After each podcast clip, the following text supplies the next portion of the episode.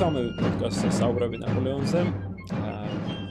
დღეს გვინდა ვისაუბროთ ნაპოლეონის მარშლებზე და პირველ რიგში ერთ-ერთ ყველაზე საუკეთესო მარშალზე და მხედართავარზე ალბათ ნაპოლეონის ომების რკინის მარშალზე ლუი نيكოლა დავუზე. პატიოსანი, თავდაუზოგავი, პირდაპირ და ულმობელი. ასეთი იყო ნაპოლეონის ერთ-ერთი საუკეთესო მარშალი ლუი ნიკოლა დავო. წმინდა ელენეს კუნძულზე მყოფი ნაპოლეონი მრავალი წლის გადასახედიდან აღნიშნავდა, რომ დავო იყო საფრანგეთის ერთ-ერთი ყველაზე სახელოვანი და უმწიკულო გმირი. როგორც ხედა თავარი, დავო ერთ-ერთი საუკეთესო იყო ევროპაში. რაც თავისი სამხედრო ნიჭი მან არაერთხელ დაამტკიცა ბრძოლის ველზე. მის გამარჯვებებს შორის ყველაზე სახელგანთმული აურშტეტატის ბრძოლაა, სადაც მან 27000 კაციანი корпуსით პრუსიის ჯარი 50000-ზე მეტი ხარისკაცით ერთ დღეში გაანადგურა. მაგრამ მისი ნიჭი არ შემოიფარგლებოდა მხოლოდ სამხედრო საქმით. დაუნარიანი სახელმწიფო მოხელი და გამგებელი იყო, რომელმაც თავისი უკომპრომისობით, დააღალავი შრომით, ქვეშერდომების მიმართ მაღალი მოთხოვნებით და მკაცრი დისციპლინით მეცახე და რკინი მარშალი მეცახელი რკინის მარშალი დაიმსახურა.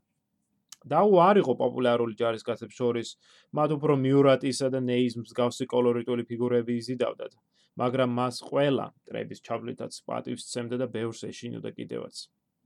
მისი ულმობელი სიმკაცრისა და დავღალვის შრომის შედეგად მისი სამხედრო შენაერთები იმპერიულ არმიაში მუდამ საუკეთესო იყო, რის გამოც ნაპოლეონი მას ხშირად ყველაზე დიდ корпуსებსაც ანდობდა. დაუდ აიბადა 1770 წლის 10 მაისს პატარა დაბა ანუში, დღევანდელი იონის დეპარტამენტში. მისი ოჯახი ბურგუნდიულ წვრილი აზნაურობას მიეკუთვნებოდა, თუმცა საგვარეულო ხანგრძლივი წარმომავლობის იყო. ჯერ კიდევ ჯვაროსნულების ჯვაროსნულ ეპოქიდან იწყებოდა. დაუს გვარის წარმომადგენლები საუკუნეების განმავლობაში სამხედრო საქმით იყვნენ დაკავებული, რაზეც ადგილობრივი გამოთქმაც მეტყველებს. როდესაც დაუს ოჯახში ბიჭი იბადება, ხმალი უმალვე ქარქაშიდან ხტებაო. ამდენად რა გასაკვირი იყო, ჟან ფრანსუა დაუს და მისი მეუღლის ფრანსუა ადელაიდ მინარ დე ველარის შვილს სამხედრო სამსახური აერჩია და ოსერის სამხედრო სკოლაში ჩარიცხულიყო.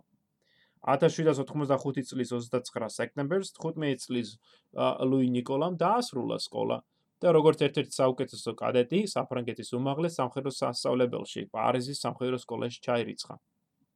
ეს სწორედ ის სკოლა იყო, სადაც ახალგაზრდა კორსიკელი ნაპოლეონ ბონაპარტი სწავლობდა. თუმცა მამის სიკვდილმა აიძულა სკოლა ცოტა ნაადრევად დაესრულებინა, რის გამოც ის აცთან დაუს. და ამრიგად მათ შეხვედრა არ შედგა პარიზში. სამწლიანი სასწავლო კურსის დასრულების შემდეგ 1788 წლის თებერვალში დაუ დაინიშნა შამპანიის სამეფო კავალერიის პოლკში უმცროს ლეიტენანტად. თავდაპირველად იგი ქალაქ ჰედინის ჩრდილო-დასავლეთ საფრანგეთი გარნიზონში მსახურობდა, სადაც პოლიტიკურ საზოგადოებებში გაწევრიანდა და რევოლუციურ სულისკვეთებას ეზიარა, რის გამოც არაერთი პრობლემა შეემთხვა. მან მოამზადა თავის პოლკის დელეგაცია, რომელმაც პარიზში იმოგზაურა რევოლუციურ ხელისუფლებისადმი მხარდასაჭერად. ამისათვის დავუ ექსკვირიანი პატიმრობა შეუფარდეს, ხოლო გათავისუფლების შემდეგ სამხედრო სამსახურიდანაც დაითხოვეს. მშობლიო რანოში დაბრუნებულმა დავუმ მალე იქორწინა ადელაიდ სეგენოზე, ქორწინება მეტად უიღბლო გამოდგა და მხოლოდ 3 წელი გასტანა. 1791 წლის სექტემბერში იონის დეპარტამენტმა ეს უკვე რევოლუციური პერიოდი არის, ხომ? იონის დეპარტამენტმა შექმნა მოხალისეთა ბატალიონები, რომლებმაც მალე თავიანთ მეთაურების არჩევა დაიწყეს. 22 სექტემბერს მოხალისეთა მესამე ბატალიონმა თავის მეთაურად სწორედ 21 წლის დავუ აირჩია და მას ლეიტენანტ პოლკოვნიკის წოდება მიანიჭა. აღონ ლეიტენანტ პოლკოვნიკი ასორეთ აი ამ მოხალისეთა ჯარში. ახალგაზრდა ოფიცერი დაუყოვნებლივ შეაუდგა თავის ერთეულის წვრთნას და აღჭურვას, რამდენ რასაც რამდენიმე თვე დასჭირდა. ამასობაში 1792 წლის აპრილში საფრანგეთმა ომი გამოუცხადა ავსტრიასა და პრუსიას და პირველი კოალიციის ომში ჩაეფლა. იმავე წლის ივლისში იონის მოხალისეთა ბატალიონი ჩილოეთის არმიაში გაიგზავნა. აქ ყოფნისას ნორჩმა ლეიტენანტ პოლკოვნიკმა დავომ სახელი გაითქვა როგორც ნიჭიერმა ოფიცერმა, რომელიც თავისი გულადობით, გამბედაობით და რევოლუციური სულისკვეთებით გამოირჩეოდა. 1793 წელს დავუს ბატალიონი ბელგიის არმიაში მიავლინეს. დავუმ თავი აქაც გამოიჩინა განსაკუთრებით ნერვინდენთან ბრძოლაში 18 მარტს, სადაც ფრანგები მართალია დამარცხდნენ. 4 აპრილს რევოლუციური ხელისუფლების წინაშე დამარცხებისათვის პასუხისგების შიშის გამო ფრანგული არმიის მხედართავარმა გენერალმა შარლ ფრანსუა დიუმორიემ ჯარიდან გაქცევა და ავსტრიის მხარეზე გადასვლა გადაწყვიტა. გაქცეულ გენერალს სწორედ დავუ დაედევნა და მართალია მოღალატემ შეძლო ავსტრიელთა ბანაკამდე მიღწევა, მაგრამ დავუს სულისკვეთებამ რევოლუციისადმი ხო თავდადებამ სწორედ ხელისუფლების ყურადღება მიიპყრო. იმავე წლის 1 მაისს დავუს სათავეში ჩაუდგა ახალ შექმნილ ბრიგადას, რომელიც მოიცავდა იონის მოხალისეთა მესამე ბატალიონს, ასევე სხვა რეგიონებიდან მოივლენილ მოხალისეებს და რაც თავარიას ორ სახაზო პოლკს. ეს იყო აი სწორედ ახალი მიდგომის, ესე იგი ამალგამაციის რეფორმის ნაწილი. რომელიც გულისხმობდა მოხალისეებს და უკვე ვეტერან, ხო, გამოცდილ ჯარისკაცების გაერთიანებას. დაუს მაგრამ დაუს ახალი მისია მეტად არასასიამოვნო გამოდგა. ივნისის შუა რიცხვებში მას დასავლეთ საფრანგეთში გამგზავრება და ვანდეის რეგიონში კონტრრევოლუციური აჯანყების ჩაქრობა დაევალა. მიუხედავად იმისა, რომ მას მოძმე ფრანგების წინააღმდეგ ბრძოლა არ სურდა, დაუ იძულებული გახდა დამორჩილებოდა ამ ბრძანებას. საინტერესოა, რომ მომდევნო წელს, როდესაც ნაპოლეონმა მიიღო მსგავსი ბრძანება, მან უარი განაცხადა ვანდეაში წასვლაზე და ამის გამო სამხედრო სამსახურიდანაც გარიცხეს. ვანდეაში ჩასვლის შემდეგ დაუ ჯერ ლაროშელის სანაპიროს არმიაში მსახურობდა და შემდეგ მეტად სასიხარულო ცნობა მიიღო 25 ივლისს ბრიგადის გენერლის წოდება მიენიჭა მას. ანუ 23 წლის ასაკში იგი საფრანგეთში ერთ-ერთი ყველაზე ახალგაზრდა გენერალი გახდა. ხუთი დღის შემდეგ კი იგი უკვე დივიზიის გენერალი იყო და ჩრდილოეთის არმიაში გაიგზავნა. ასეთი მოულოდნელი წინსვლის შემდეგ დაუს მალე თავზარი დაეცა. 93 წლის აგვისტოში ახალმა იაკობინურმა მთავრობამ საფრანგეთში დარჩენილი არისტოკრატიული წარმოშობის ადამიანები საეჭვო პირებად გამოაცხადა და ყველა გარიცხა სამხედრო სამსახურიდან. დავუდს მისი რევოლუციური სულისკვეთებისა და царსული მიღწევის მიუხედავად ასევეც ასევე დაითხოვეს ჯარიდან იმავე წლის 23 აგვისტოს. დავუდ თავდაპირველად და გაემგზავრა ქალაქ რავიერში, რომელიც მისი მშობლიური ქალაქ დაბაანუდან რამდენიმე კილომეტრის დაშორებით მდებარეობს და სადაც მას სახლი გააჩნდა, მის ოჯახს გააჩნდა ეს სახლი. აა აქ მან გაატარა თითქმის 1 წელი, მეტად რთული წელი, ალბათ ერთ-ერთი რთულესი მისი ცხოვრება მის ცხოვრებაში. მის ოჯახს, ხომ აი ეს არისტოკრატიული წარმოშობის გამო ეჭვის თვალით შეყურებდნენ, ავიწროებდნენ. ა რევოლუციურმა ხელისუფლებამ ცირიხნით დედამისი დააპატიმრა კიდევაც, შემდეგ დავუდს აღმოჩნდა დაპატიმრებული. მაგრამ ორთავესთვის საბედნიეროდ ადგილობრივი ხელისუფლება ისინი არ გაგზავნა პარიზში, სადაც სწორედ ტერორი მძვინვარებდა და სადაც დავუს უდაოდ სიკვდილი ელოდებოდა. 1794 წლის ივლისში იაკობინელთა ხელისუფლება დაემხო, ხო, რობესპიერი და მისი თანამოაზრეები ჩამოაგდეს ხელისუფლებიდან და შემდეგ სიკვდილი დასაჯეს. და მასწორედ აიმ ტერორის დასრულების შემდეგ დავუს ოჯახის წევრები ციხიდან გამოუშვეს. უფრო მეტიც, ახალი ხელისუფლება, ეგრეთ წოდებული აღმასრულებელი დირექტორია, ბევრად უფრო ზომიერი და მობიერი იყო თავის პოლიტიკური შეხედულებები და რაც თავია ჯარიდან გარიცხული ოფიცრების უკან დაბრუნების მომხრე იყო და საკმაოდ დიდი კეთილგანწყობით ხდებოდა მათ. ამიტომ 1794 წლის სექტემბერში დავომ შეიტანა მიმართვა სამხედრო სამსახურში აღდგენის თაობაზე და იმავე თვის ბოლოს იგი მართლაც აღადგინეს სამხედრო სამსახურში. ის დაინიშნა მოზელის არმიის ცხენოსანი ბრიგადის უფროსად და სწორედ ამ ამ ამ თანამდებობაზე ყოფნისას მიიღო მონაწილეობა ლუქსემბურგის ალყაში და შემდეგ უკვე მსახურობდა რაინისა და მოზელის არმიებში. მომდევნო 1 წლის განმავლობაში იგი სხვა სხვა თანამდებობაზეც დაინიშნა, მაგრამ 95 წლის სექტემბერში სამწუხაროდ ქალაქ მაინჰემთან ფრანგების დამარცხების შემდეგ ტყვეთ ჩავარდა. სწორედ მცირეხნიანი ტყვეობის შემდეგ დაბრუნდა სამშობლოში და კვლავ განაგრძო სამხედრო სამსახური. მან გამოიჩინა თავი ჰასლახტან ბრძოლაში 96 წლის ივლისში და შემდეგ მდინარე რაინის გადაკვეთის დროს 97 წლის აპრილში. 98 წლისათვის, ანუ დავუმ საკუთე საკმაოდ სახალგანგმოლი გენერალი იყო, ხო დივიზიის გენერლის წოდება აქვს, მონაწილეობა მიიღო არაერთ ბრძოლაში და მეტად ისეთი ნიჭიერი და თავგამოდებული და შრომელი ოფიცრად იწვლებოდა. სწორედ ამიტომ 98 წლის იანვარში დავუ დაინიშნა ინგლისის არმიაში, რომელსაც გენერალ ნაპოლეონ ბონაპარტი ინგლისში შესაჭრელად ამზადებდა. ბუნებრივია ჩვენ უკვე ვისაუბრეთ ამაზე პოდკასტში, რომ ეს გეგმა არ განხორციელდა და ამის ნაცვლად ნაპოლეონი ეგვიპტეში გაემგზავრა. ამ და სწორედ აი აი სამზადისის პერიოდში თავისი მეგობრის გენერალ ლუი დეზეს ხელშეწყობით დავუ შეხვდა პირადად შეხვდა გენერალ ბონაპარტს და მასზე საკმაოდ ძალიან კარგი შტაბეშტილება დატოვა, რის გამოც ბონაპარტმა მას ცხენოსანი, მთელი ცხენოსანი ბრიგადის უფროსობა უბოძა და თავის გენერალურ შტაბშიც დაასაკმა. მაისის მიწურულს, ეს 98 წლის მაისის მიწურულს, ბონაპარტის ჯარმა, რომელსაც უკვე აღმოსავლეთის არმია ეწოდა, დატოვა სამშობლო და ეგვიპტისაკენ აიღო გეზი. ხმელთაშუა ზღვის გადაკვეთის დროს ბონაპარტმა დაუ დრაგუნთა მე-14 ბრიგადის უფროსად დანიშნა. თუმცა ერთი კვირის თავზე იმავე დივიზიის ბრიგადაც ჩააბარა მას. ანუ აი ამით ნათლად ჩანს რომ უკვე აი ამ საწყის ეტაპზეც ნაპოლეონი მეტად მაღალი აზრისა დაუზე და მას უფრო და უფრო მეტ საპასუხისგებლო ხომ ამ დავალებებს აძლევს. ეგვიპტეში ფრანგები პირველ ივლისს ჩავიდნენ და მაშინვე გაილაშქრეს გაილაშქრეს ალექსანდრიისკენ. ივლისის შუა რიცხვებისთვის ამ ფრანგები უკვე ფლობდნენ ალექსანდრიას და კაიროსკენ მიიჩქაროდნენ. 11 ივლისს დავუ გენერალ დეზეს დივიზიის კავალერიის უფროსი გახდა და 10 დღის შემდეგ მონაწილეობა მიიღო აი პირამიდებთან სახელგანთმო ბრძოლაში, სადაც ნაპოლეონმა დაამარცხა ეგვიპტელი მამლუქები. მართალია დავუს ხედრებს დიდი როლი არ უთამაშია ამ ბრძოლაში, მაგრამ დავუს მაინც გამოუჩენია თავი, რის გამოც ბრძოლის შემდეგ მან ბონაპარტის ქება დაიმსახურა.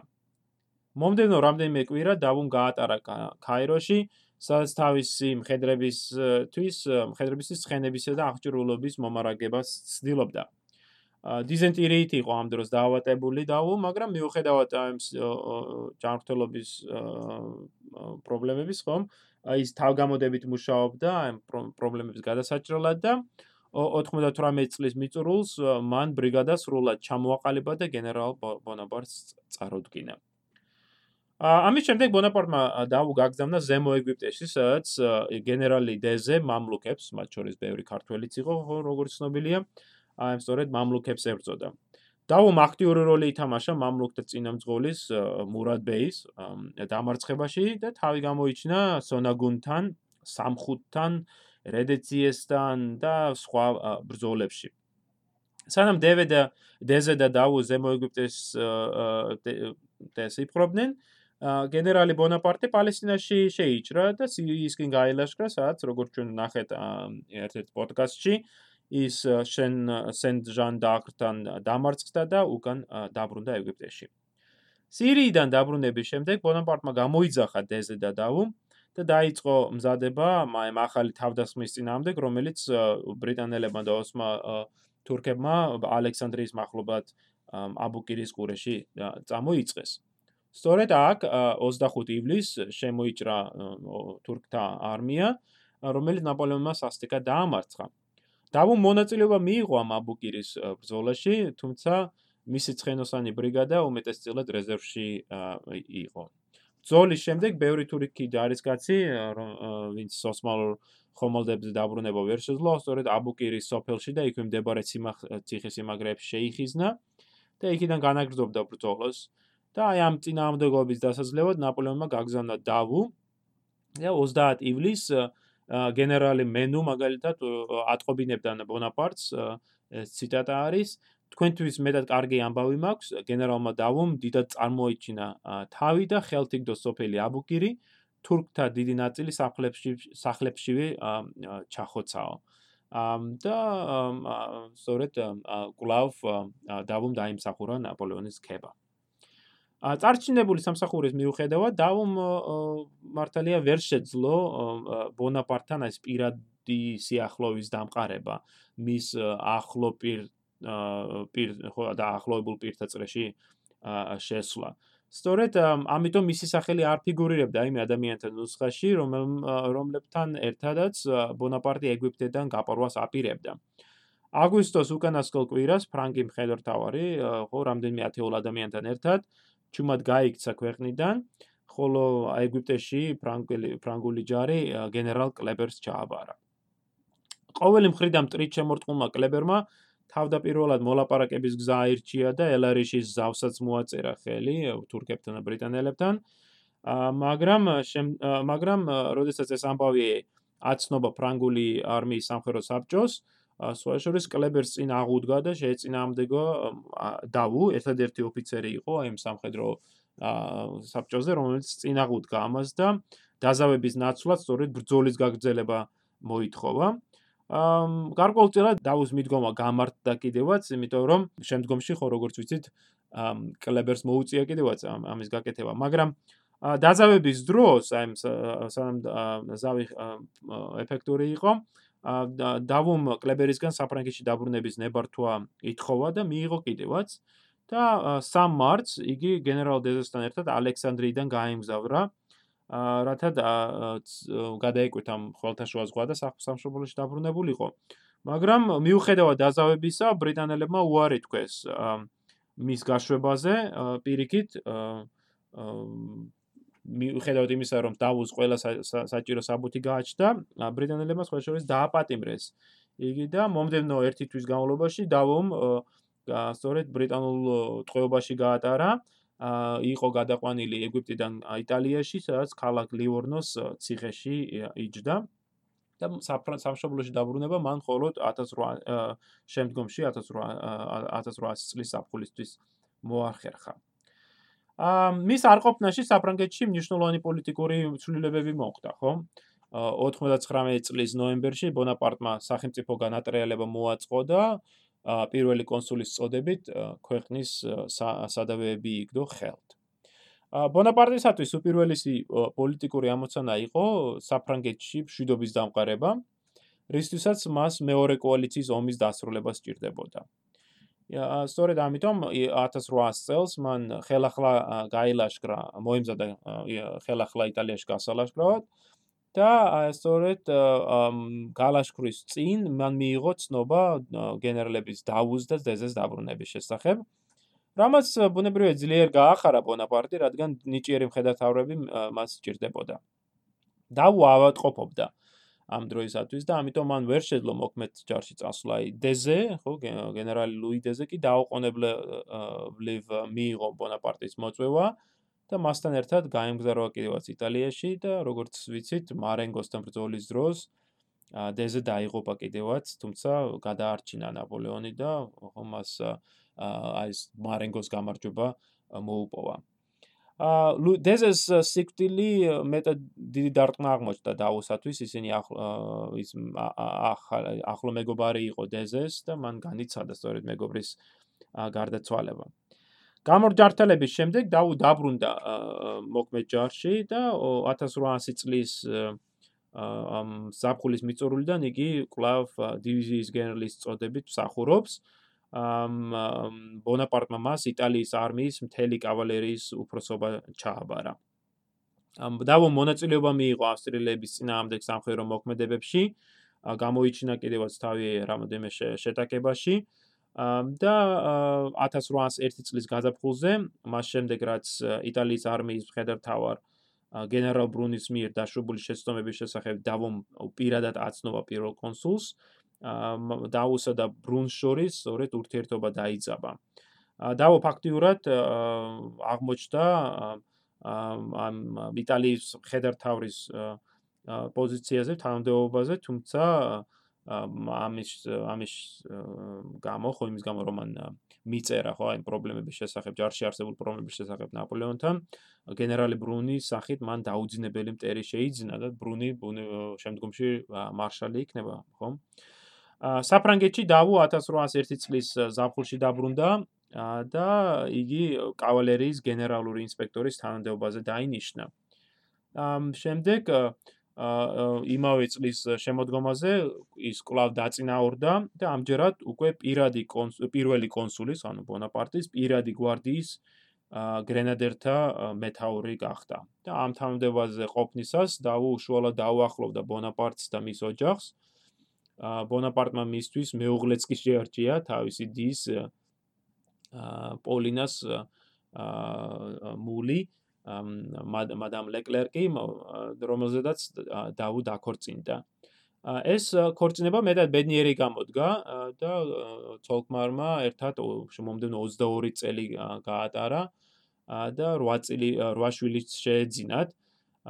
სწორედ ამ პერიოდშია ამ შვიდობის პერიოდში არის რომ 1800 წელს დავომ შეძლო დაბა სავინის სულ ორშთან დიდი მამულის შეძენა და სწორედ ეს ადგილი იქნება მისი ოჯახის ხო განსახლები სახლი და ძირითადის ადგილსამყოფელი. 1800 წელს ინგლისთან ომის განახლების შემდეგ დაუდ აინიშნა ბრუჟის სამხედრო ბანაკის უფროსად და ინგლისში შესაჭრელად ჯარების მზადებას შეუდგა. სწორედ ამ პერიოდში ჩაუყარა მან საფუძველი თავის სახელგანთმულ მესამე კორპუსს. იგი დაუღალავად წვრთნიდა ჯარისკაცებს, ზედამხედველობდა ადმინისტრაციულ საქმეებს, მუშაობდა ტაქტიკური მოქმედებების სამხედრო სახელმძღვანელოზე, რომელიც მან თავის ოფიცრებს დაურიგა და შესწავლა დაავალა. იგი უმკაცრეს დისციპლინას იცავდა თავის ბანაკში და ცდილობდა პირადი მაგალითით გაემხნევებინა ჯარისკაცები. დაუ არ ეტანებოდა ალკოჰოლს, ვერ იტანდა თამბაქოს და კიცხავდა მის მომხმარებლებს. ერიდებოდა წვეულებებს, ძირითად დროს სწორედ კითხვაში და მუშაობაში ატარებდა. დედმიტევნით აქცევდა ყურადღებას სამხედრო ცხოვრების ყოველ დეტალს. თავისი ოფიცრებისადმი მეთაბ მოთხოვნი ულმობელიც კი იყო, მაგრამ ამავე დროს სამართლიანი. სამხედრო წესრიგის დამხრობებთან მიმართ არ არაერთ სადისციპლინო ღონისძიებას იყენებდა. დაუსთვის ყველაზე მთავარი იყო თავისი ჯარისკაცების კეთილდღეობის უზრუნველყოფა, რის გამოც იგი ყველაფრისთვის იყო მზად. სწორედ ასეთმა დაუღალავ მუშაობამ 1804 წლის 19 მაისს მოუპოვა მას საფრანგეთის მარშლის წოდება. 34 წლის დაუ ყველაზე ახალგაზრდა მარშალი იყო და მისთვის ამ წოდების მინიჭებამ ბევრი გენერალი გააწმილა კიდევაც. ზოგიერთი მასზე ხნიერი და უფრო გამოცდილი ხას უსვამდა იმ გარემოებას, რომ დაუს არასოდეს უმოქმედები უმოქმედია დამოუკიდებლად. სხვებისათვის მისი პიროვნება მიუღებელი იყო, უბრალოდ შურის თუ სხვა პირადი მიზეზების გამო. დაუს პირდაპირმა ხშირად უხეშმა ხასიათმა მას ბევრი მტერი შესძინა. ახლა დანიშნული მარშლებიდან ბრუნი და ბერნადოტი მას სასტიკად ვერ იტანდნენ კიდევაც. მაგრამ ნაპოლეონმა ყოველივე ეს, იმიტომ უგულველყო, რომ დაუში დიდი სამხედრო პოტენციალი დაინახა. სწორედ ამიტომ მარშლობის გარდა ნაპოლეონმა მას უბოძა იმპერიული გვარდიის პოლკოვნიკობა. თელ საფრანგეთში მხოლოდ 4 4 ასეთი წოდება არსებობდა. უფრო მეტიც, საპატიო ლეგიონის ორდენის მე-6 კოჰორტის უფროსობა სწორედ დავოს ერგო. ივნისის ბოლოს მაუს მორიგი დაწინაურება ელოდა. ოკეანის სანაპიროს არმიის მარჯვენა ფლანგის უფროსობა უფროსად დაინიშნა. ხოლო იმავე წლის 23 სექტემბერს ახლა შექმნილი დიდი არმიის მესამე корпуსის მეთაური გახდა. 1805 წლის შემოდგომაზე ევროპა კვლავ ომის ხარცეცხში აღმოჩნდა. საფრანგეთის წინააღმდეგ ახალი რიგით მესამე კოალიცია შეიქმნა, რომლის რიგებში ბრიტანეთი, რუსეთი და ავსტრია შედიოდა. სექტემბერ-ოქტომბერში ნაპოლეონმა ატლანტიკის ოკეანის სანაპიროდან ავსტრიის შუაგულში გაილაშქრა და გზად ავსტრიელთა ჯარი სასტიკად დაამარცხა. დინარე რაინის გადალახვის შემდეგ დავუს მესავე корпуსმა თავი გამოიჩინა მარიენცელთან და ამშტეტენთან ბრძოლებში. ნოემბრის მიწურულს იგი უკვე ვენაში იყო. ამ დროს ნაპოლეონი ჯარის უმეტესი ნაწილით აუსტერლიცის ფერდობზე იყო განლაგებული და მოკავშირეებთან გადამწყვეტი ბრძოლისთვის ემზადებოდა. მოწინააღმდეგე საგრძნობი რიცხობრივი ოპერაციების გამო იმპერატორმა დავუზი უბრძანა თავისი корпуსი დაუყენებლივ მასთან გამოცხადებულიყო. არადა ვენიდან აუსტერლიცამდე დავუს 112 კილომეტრი ჰქონდა გასავლელი და ეს მანძილი მან საოცრად მოკლე დროში სულ 46 საათში განვლო. 2 დეკემბრის განთინიისას სწორედ მაშინ, როდესაც ბრძოლა იწყებოდა, დავუს მესამე корпуსი ბრძოლის ველზე მივიდა. მისმა корпуსმა ხანგრძლივი მგზავრობის მიუხედავად მთელი დღის განმავლობაში იბრძოლა დიდი არმიის მარჯვენა ფლანგზე, რომელსაც მოკავშირეთა ძირითადი შეტევები დაატყდა თავს.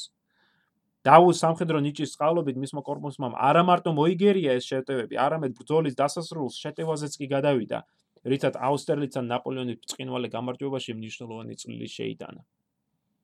1806 1806 წელს დავუ მონაწილეობა მიიღო პრუსიასთან ომში, რომელმაც მისი სახელი სამუდემო დიდების შარავანდებით შემოსა. ოქტომბრის დასაწყისში პრუსიის მიერ ომის გამოცხადების შემდეგ ნაპოლეონი შეიჭრა პრუსიის ტერიტორიაზე, მაგრამ პრუსიის მეფე ფრიდრიხ ვილჰელმ მესამე ჯარის ზუსტი ადგილსამყოფელის არ ცოდნის გამო მან დააყო თავისი ძალები. დავუ თავისი корпуსი დამოუკიდებლად მოქმედებდა დიდი არმიის მარჯვენა ფლანგზე. ფრანგებმა არ იცოდნენ, რომ პრუსიის ჯარიც ორ ნაწილად იყო დაყოფილი, რომელთაგან ყველაზე დიდს მეფე ფრიდრიხ ვილჰელმი და ფელდმარშალი ბრაუნშვაიგის ჰერცოგი ხელმძღვანელობდნენ. 14 ოქტომბერს მოწინააღმდეგე მხარეები ერთმანეთს შეეგებნენ. ნაპოლეონი თავისი ჯარის უმეტესი ნაწილი დაახლოებით 100000-მდე კაცი ყავდა ნაპოლეონს, პრუსიული ჯარის მცირე ნაწილს, დაახლოებით 55000-მდე კაცს დააცხრა თავს ქალაქ იენასთან. სწორედ ამ დროს იმავე დღეს 14 ოქტომბერს დავუ მხოლოდ 27000-ით პრუსიის ძირითად არმიას დაახლოებით 60000-ზე მეტ კაცს ცის პირისპირ აღმოჩნდა ქალაქ აურშტეტთან მომხდარ ბრძოლაში დავუმ გამოავლინა ბრწყინვალე სამხედრო ნიჭი და სასტიკა დაამარცხა რიცხობრივად უპირატესი მოწინააღმდეგე. ბრძოლის დრომ დროს დავუმ არაერთხელ ითხოვა დახმარება ნაპოლეონისგან, მაგრამ იმპერატორმა თავდაპირველად არ დაიჯერა, რომ დავუ პრუსიელთა ძირითად არმიას ებრძოდა და დაუდს ადიუტანტს მოკლედ მიუგო. თქვენს მარშალს ალბათ თვალებში უორდებაო. მაგრამ ბრძოლის შემდეგ, როდესაც რეალური ვითარება ცნობილი გახდა, ნაპოლეონი ახტაცებას ვერ მალავდა თავისი მარშლის მიღწევით. დიდი არმიის მეხუთე ბიულეტენში ნაპოლეონმა განაცხადა: ციტატა: ჩვენს მარჯვენა ფლანგზე მარშალ დავუს კორპუსმა საოცრებები მოახდინა.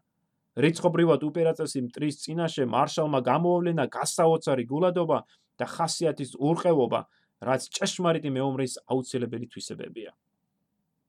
ამ გამარჯვების აღსანიშნავად ნაპოლეონმა შეაჩერა მარშალ მიურატის კავალერია და პრუსიის დედაქალაქში ბერლინში შესვლის პირველობა სწორედ დავუს მიანიჭა. ორი წლის შემდეგ 1800 8 წლის 28 მარტს იმპერატორმა დავუს აურშტეტატის ჰერცოგის ტიტულიც უბოძა.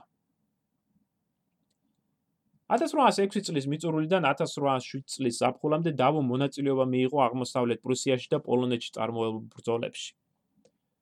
იგი იბრძოდა გოლემინთან შეტაკებაში, მეთაურობდა მარჯვენა ფრანკს ელაუსთან სისხლიან შეტაკებაში, რის შემდეგაც სწორედ დავომ დაიკავა კენიგსბერგი. ივლისში საფრანგეთსა და რუსეთს შორის სტილზიტის ზავის დადების შემდეგ დავუ უკვე ვარშავის საჰერცოგოს გენერალ-გუბერნატორია. ნაპოლეონმა მას უბოძა დიდძალი მამულები პოლონეთში, ვესტფალიაში, ჰანოვერში და იტალიაში. 1808 წელს კი დავუ გახდა რაინის არმიის მხედართავარი. ეს მეტად მნიშვნელოვანი სამხედრო და პოლიტიკური თანამდებობა იყო.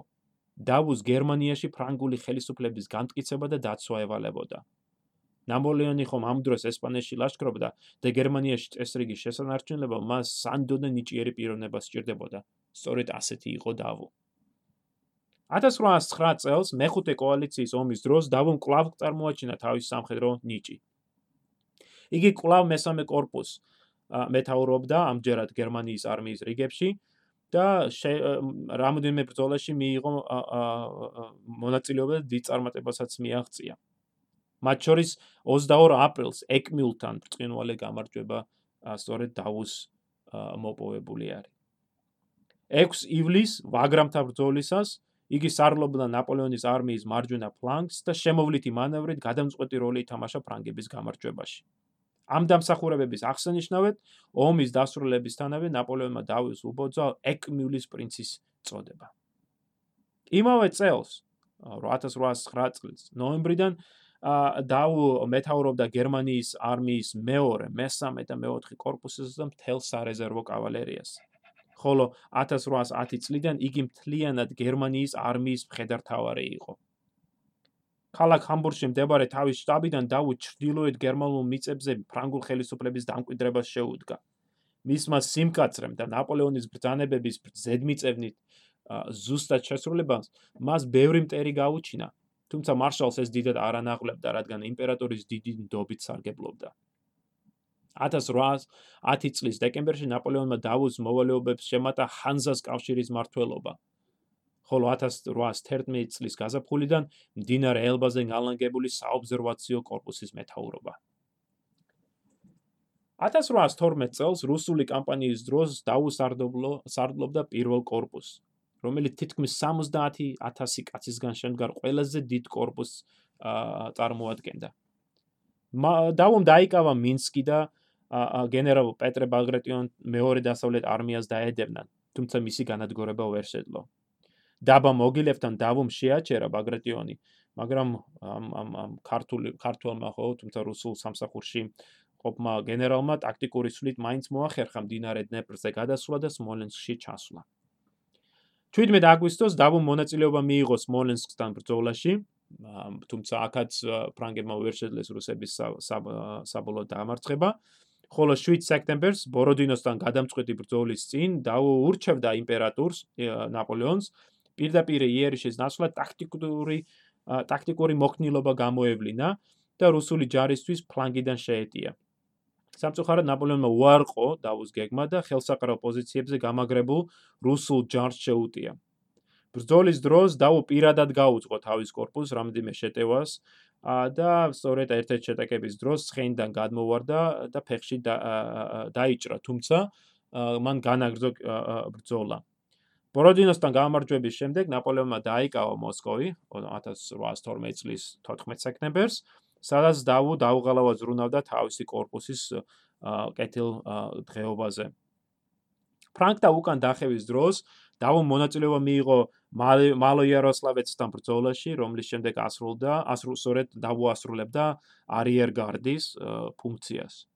მაგრამ ქალაქ ვიაზმასთან მის დასუსტებულ корпуს რუსებმა შეუტიეს ფრანკთა ძირითადი ძალებისგან დროებითად მოწყვეტილი ჯარის დასახმარებლად ნაპოლეონმა დამხმარე ძალები გაგზავნა მაგრამ დაუს корпуსმა საკმაოდ დიდი დანაკარგები განიცადა ამ ამ ბრძოლაში. ამიტომ დავუს მოქმედებით უკმაყოფილო იმპერატორმა მოგვიანებით გამოიძახა დავუ და არიერგარდის უფროსად მარშალი ნეი დანიშნა. ნოემბრის შუა რიცხვებში დაბა კრასნისთან შეტაკების დროს დავუმ ბრძოლით გაიკაფა გზა, მაგრამ ამავე დროს მან მიატოვა ნეის არიერგარდი რომელიც რუსებმა ალყაში მოაქციეს და თითქმის მთლიანად გაანადგურეს. ნეიმ შეძლო ალყიდან თავის დაღწევა და ძირითად არმიაში დაბრუნება, მაგრამ მას შემდეგ აა სწორედ მარშალ ნეისა და დაუს შორის დაძაბული ურთიერთობა სუფევდა. დინარე ბერეზინას ნაპირებზე გამართულ ბრძოლების შემდეგ დაუს корпуსმა ფაქტობრივად შეწყვიტა არსებობა და მას სამხედრო მოქმედებებში აღარ მიუღია მონაწილეობა როგორც ასეც. დეკემბრის დასაწყისში სამხედრო საბჭოზე ნაპოლეონმა განუცხადა მარშლებს, რომ პარიზში აპირებდა დაბრუნებას და ჯარის მეთაურობას მარშალ მიურატს ანდობდა. დავუ მიურატზე, როგორც ხედართავარზე, მეტად დაბალი წარმოდგენისა იყო, და ამიტომ ნაპოლეონის წასვლის შემდეგ დავუს და მიურატ შორის ურთიერთობა მეტად გამწვავდა. და 17 დეკემბერს დაბა გუმბინენთან მათ შორის ცხარე დაპირისპირებაც კი მოხდა რის შედეგად დავუ ფაქტურად და ჩამოშორდა აა მხედარ გენერალ შტაბს 1813 წლის დასაწყისში დავუმ თავის корпуსის დაქსაქსულ ნაწილებს თავი საქსონიაში მოუყარა. მარტში იგი დრეზდენს იცავდა, ხოლო მაისში მაისის მიწურულს მდინარე ელბის ქვემოდინებისკენ გაილაშქრა და ქალაქი ჰამბურგი დაიკავა. რის გამოც მან ვერ მიიღო მონაწილეობა გაზაფხულზე ნაპოლეონის მიერ ჩატარებულ კამპანიაში. ზაფხულს ზაფხულში 1 ივლისს ნაპოლეონმა დავუ დანიშნა დიდი არმიის მე-13 корпуსის უფროსად, თუმცა ეს შენაერთი ჯერ არ არსებობდა და დავუს მისის შექმნა და აღჭურვა მოუწია. მხოლოდ ერთთვიანი მომზადების შემდეგ დავუმ შეძლო корпуსის ჩამოყალიბება და 18 აგვისტოს პირველი გამარჯვებას იზეიმა, როდესაც ლაუნბერგბუქთან დაამარცხა პრუსიელები. სხვა მარშლების დამარცხებების გამო დავუ იძულებული გახდა დაბრუნებულიყო ჰამბურგში, რომლის დაცვა მას ნაპოლეონისგან დაევალა. შემოდგომაზე დავუ შეუდგა ჰამბურგის გამაგრებას და დიდი ულმობლობა და სიმკაცრე გამოიჩინა ადგილობრივი მოსახლეობის მიმართ. ქალაქის უკეთესად დაცვის მიზნით დავუმ გაასახლა და მიწასთან გაასწორა ჰამბურგის გარშემო არსებული მთელი უბნები. მან ქალაქს დააკისრა მძიმე კონტრიბუცია და ადგილობრივ ბანკებს მილიონობით მარკის ოდენობით თანხები ჩამოართვა.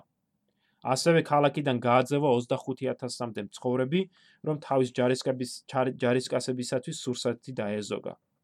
ადგილობრივი მოსახლეობის დაუმორჩილებლობას დაუ სასტიკად ახშობდა. სახალხო დახვრიტა არაერთი ჰამბურგელი მოსახლე. ამ მეთოდებმა შედეგი გამოიღო, მიუხედავად იმისა, რომ მოკავშირეებს თითქმის სამჯერ მეტი ჯარი ყავდათ, მათ 5 თვის განმავლობაში ვერაფერი ვერაფერი მოახერხეს დავუს წინააღმდეგ. ამასობაში აპრილის დასაწყისში, ეს უკვე 1814 წლის აპრილის დასაწყისში, საფრანგეთში გამვითარებული მოვლენების გამო ნაპოლეონი იძულებული გახდა ტახტიდან გადამდგარიყო. როდესაც რუსმა გენერალმა ლევინ ბენინგსენმა აცნობა დავუს ნაპოლეონის გადადგომის თაობაზე და დანებება შესთავაზა, მარშალმა უპასუხა: ჩემს იმპერატორს, რომლის გადადგომის შესახებ არაფერი მსმენია, არ შეჩვევია თავის გენერალებთან ტრის მეშვეობით მიმოწერაო. დავუმ განაგრძო ქალაქის დაცვა კიდევ ერთი თვის განმავლობაში და მხოლოდ ბურბონი მეფე ლუდოვიკო მე-18-ის პირადი წარმომადგენლის ჩამოსვლამ დაარწმუნა იგი საფრანგეთში მომხდარი პოლიტიკური ცვლილებებაში. დაუ დათანხმდა მოლაპარაკებებზე და მოკავშირეები დაიყოლია თავისი корпуსის სრული სამხედრო პატივით ქალაქიდან გასვლაზე. ანუ მიუხედავად იმისა, რომ საფრანგეთი დამარცხებული იყო ამ ნაპოლეონის ომებში, დავომ მიაღწია იმას, რომ მისი корпуსი უვნებლად მთელი სამხედრო პატივით გავიდა ქალაქიდან და დაბრუნდა საფრანგეთში. 1814 წლის 27 მაის დავომ დატოვა ჰამბურგი და თავის корпуსთან ერთად საფრანგეთისკენ აიღო გეზი. მაგრამ გზად მან მიიღო მეფის ბრძანება არ გამოჩენილიყო პარიზში. მეფის ეს გადაწყვეტილება იმით აიხსნება, რომ მას აცნობეს ჰამბურგის დაცვის დროს როგორ გაუხსნა დავომ ცეცხლი ბურბონთა თეთრ დროშას, რომელიც მოკავშირეთა რიგებში ფრიალებდა. შერისხული მარშალი თავის მამულში სევილი სევინისურ ორში დაბრუნდა და პირველად მრავალი წლის განმავლობაში თავის ოჯახთან ერთად შვიდ ცხოვრებას შეუდგა. მაგრამ მას არ დასწავდა. 1815 წელს ნაპოლეონი კუნძულ ელბიდან დაბრუნდა. 20 მარტს პარიზში ტრიუმფი დაბრუნებულ ნაპოლეონს მარშლებიდან მხოლოდ 2 მარშლები დავუ და ლეფებრი დახვდა ტიულერის სასახლეში. ამ დროისათვის ნაპოლეონს და დავუს ერთმანეთი 2 წელიწადზე მეტი არ ყავდათ ნანახი. ნაპოლეონი გახარებული იყო დავის დავუსგან ასეთი მხარდაჭერის გამოჩენით და მას მეტად ნიშნულოვანი დავალებაც დააკისრა. იმავე დღეს დაუ საფრანგეთის ომის მინისტრი გახდა და ქვეყნის შეარაღებული ძალების მობილიზაციას შეუდგა. ეს მეტად რთული ამოცანა იყო, რადგან ბურბონების მიერ ფრანგული ჯარის დიდი ნაწილი დემობილიზირებული იყო, ხოლო ბევრ რეგიონში, განსაკუთრებით სამხრეთ და დასავლეთ საფრანგეთში, მოსახლეობა ბურბონების ერთგული რჩებოდა. ნაპოლეონმა თანდათანობით გაზარდა დავუს მევალეობები და ივნისისათვის მარშალი არა მხოლოდ ომის მინისტრი, არამედ პარიზის გუბერნატორი და ეროვნული გვარდიის მხედართავარიც იყო. კოლოსალური პრობლემების მიუხედავად დაუზაგავის შრომის შედეგად დავუმ 280.000-მდე გარისკაცის მობილიზება მოახერხა რამოდენიმე კვირის განმავლობაში, რომელთა შედეგად ნაპოლეონს სწორედ მორიგი ომის წარმოების საშუალება მისცა. 1815 წლის ივნისის დასაწყისში ნაპოლეონმა ბელგიისკენ აიღო გეზი, ხოლო დავუ პარიზში დატოვა. ეს ალბათ იმპერატორის ერთ-ერთი საბედისწერო გადაწყვეტილება იყო. დავუს მსგავსი ნიჭიერი მხედართაურის ვატერლოოს ბრძოლაში მონაწილეობა შეიძლება სხვანაირად გადაეწყვეტა ამ ბრძოლის ბედი. მაგრამ ნაპოლეონმა ისიც კარგად იცოდა, თუ როგორი მნიშვნელოვანი იყო პარიზსა და ზოგადად საფრანგეთში წესრიგის შენარჩუნება. რისთვისაც მას ერთგული და უნარიანი პიროვნება სჭირდებოდა. ვატერლოოს შემდეგ პარიზში დაბრუნებულ ნაპოლეონს დაუმ ურჩია ბრძოლის გაგრძელება, საკანონმდებლო ორგანოების დაშლა და საგანგებო მდგომარეობის გამოცხადება. მაგრამ იმპერატორმა საბერძისტერო მერყეობა გამოიჩინა. 22 ივნის დროებითი მთავრობის შექმნისთანავე დაუ მიხვდა, რომ ნაპოლეონის წარმატების ყველა შანსი დაკარგოდა. მეორე დღეს იგი პირადად ეახლა იმპერატორს და პარიზიდან დაუყოვნებლივ წასვლა მოსთხოვა. როგორც იგი თვითონ იხსენებდა, იმპერატორთან უკანასკნელი შეხვედრა მეტად გულგრილი გამოდგა. ნაპოლეონის პოლიტიკური ასპარეზიდან ჩამოშორების შემდეგ დაუსთვის უმთავრეს ამოცანას თავის სამშობლოს დაცვა წარმოადგენდა. სწორედ ამიტომ 24 ივნისს იგი პარიზის დაცვის საქმეს ჩაუდგა სათავეში და მოკავშირეთა პირველი იერიშები წარმატებით მოიგერია. ივლისის დასაწყისში მას ჰქონდა შესაძლებლობა სასტიკად დაემარცხებინა პრუსიელთა ჯარი, რომელიც პარიზის მახლობლად იყო მიმოფანტული. მაგრამ კარგად უწყოდა და უკარგად ურწყოდა ამ ერთი გამარჯვებით ვერაფერს გახდებოდა მოკავშირეთა ძირითადი ძალების წინააღმდეგ. ამიტომ მან მოლაპარაკების დაწყება არჩია და 3 ივლისს სენკლუსში ხელი მოაწერა ზავს, რომლის თანახმადაც პარიზ ჩააბარებდა მოკავშირეებს, მაგრამ იქ არსებულ 80000-ზე მეტ ჯარისკაცს უვნებლად გაიყვანდა სამშვიდობოს. დაბუს დაბუს ჩანაფიქრი სწორი იყო, რადგან მას ფრანგული არმიის ბირთს ბირთვის შენარჩუნება სურდა, თუმცა მის მიერ პარიზის ჩაბარება ბევრისთვის ღალატად ჩანდა, რის გამოც იგი საჯარო ლანძღვის საგანი გახდა. მიუხედავად ამისა, 14 ივლისისათვის მან ფრანგული არმია მდინარე ლუარის სამხრეთი გადაიყვანა და ახალი ომის მინისტრ მარშალ გუვიონ სენსირის მოთხოვნით ჯარი ბურბონთა ხელისუფლებას დაუმორჩილა. 19 ივლისს დაუ გადადგა თანამდებობიდან და სახში დაბრუნდა. სევენის სუროში ცხოვრება რთული გამოდგა დაუსთვის. მისი სამშობლო მტრის ხელში იყო, საკუთარი მამულიც კი პრუსიელთა პოლკის საცხოვრებლად ქცეულიყო, მრავალი მეგობარი და ნაცნობი დაპატემრებული ან ქვეყნიდან გადევნილი იყო. 1815 წლის დეკემბერში დავუმ გამოგზაურა პარიში, რომ დახმარებოდა მარშალ ნეის, რომელსაც ბურბონები ღალატდებდნენ ბრალად. დაუს ცდელობის მიუხედავად, ნეიმ არ მიაქცია ყურადღება მის რჩევებს და 7 დეკემბერს სიკვდილით დაისაჯა კიდევაც. დაუს მოქმედებამაც გააწმილა ბურბონთა კარი. მეფე ლუიმ 27 დეკემბრის ბრძანებით დაუს ჩამოერთვა ყველა წოდება, ტიტული, თანამდებობა და შემოსავალი და იგი გაძევებული იქნა ლევიერში, სადაც უკიდურეს სიღატაკეში მოუწია ცხოვრება. ერთ დროს საფრანგეთის ერთ-ერთი უმდიდრესი ადამიანი, რომელსაც ნაპოლეონმა ერთხელ ერთ ერთ შემთხვევაში თითქმის 1 მილიონი ფრანკი უბოძა, დღეში მხოლოდ 3.5 ფრანკით ცხოვრობდა. 1816 წლის იანვარში მისი მეუღლის მრავალთვიანი მცდელობების შემდეგ მეფე ლუიმ დაუბრუნა დაუს მისი მამულის სევინის როში, სადაც იგი პოლიციის მუდმივი ზედამხედველობის ქვეშ ცხოვრობდა. მომდენო ერთი წლის განმავლობაში დაუს ოჯახი კვლავ გაჭიროებულ მდგომარეობაში იმყოფებოდა. მაგრამ თანდათანობით მეფემ დაუბრუნა დაუს მისი წარსული პრივილეგიები და წოდებები. 1817 წელს მაგალითად დაუს აღუდგა მართლის წოდება და სამხედრო ხელფასი, ხოლო 1819 წელს ლუიმ დაუს საფრანგეთის პერის რანგში აიყვანა. 1821 წლის აგვისტოში დაუს პირადი ტრაგედია დაატყდა თავს. მოულოდნელად გარდაეცვალა უფროსი ქალიშვილი. მისი სიკვდილი თითქოს გარდამტეხი აღმოჩნდა მართლის ცხოვრებაში. დაუს ჯანმრთელობა მალე გაუარესდა და იგი იშვიათად ტოვებდა თავის მამულს. 1823 წლის 1 ივნისს 53 წლის ლუი نيكოლა დავო ქალაქ პარიზში ტუბერკულოზით გარდაიცვალა. იგი დაასაფლავეს ქალაქის ახალგაზრდა პერლაშეს სასაფლაოზე. ნახევრად მელოტი, ახლოთ მხედველი, ტანმორჩილი დავუ ნაპოლეონის ერთ-ერთი საუკეთესო მხედართავარი, პატიოსანი და ალალი ამავე დროს უკმეხი და უხეში პიროვნება იყო. საზოგადოებაში მეტად მოუქნელს სოციალური ეტიკეტის დაცვა ეჯავრებოდა. მას ახასიათებდა სამხედრო სამსახურისადმი უზომო თავდადება, რასაც მოითხოვდა როგორც თავისი ქვეშევრდომების, ისე თანამებრძოლეებისაგან. 1812 წელს ჰოლანდიელი გენერალი დაუზდა და ადმირალ ბასტის საუბრის მოწმე გახდა.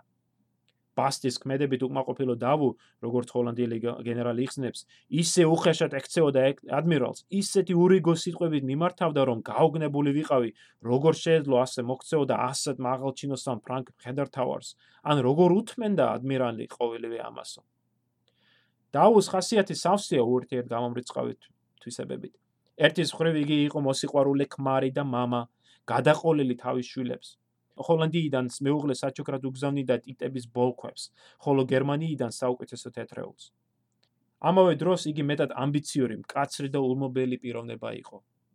სწორედ დაუს ეკუთნის ის ეს ეს განცხადება.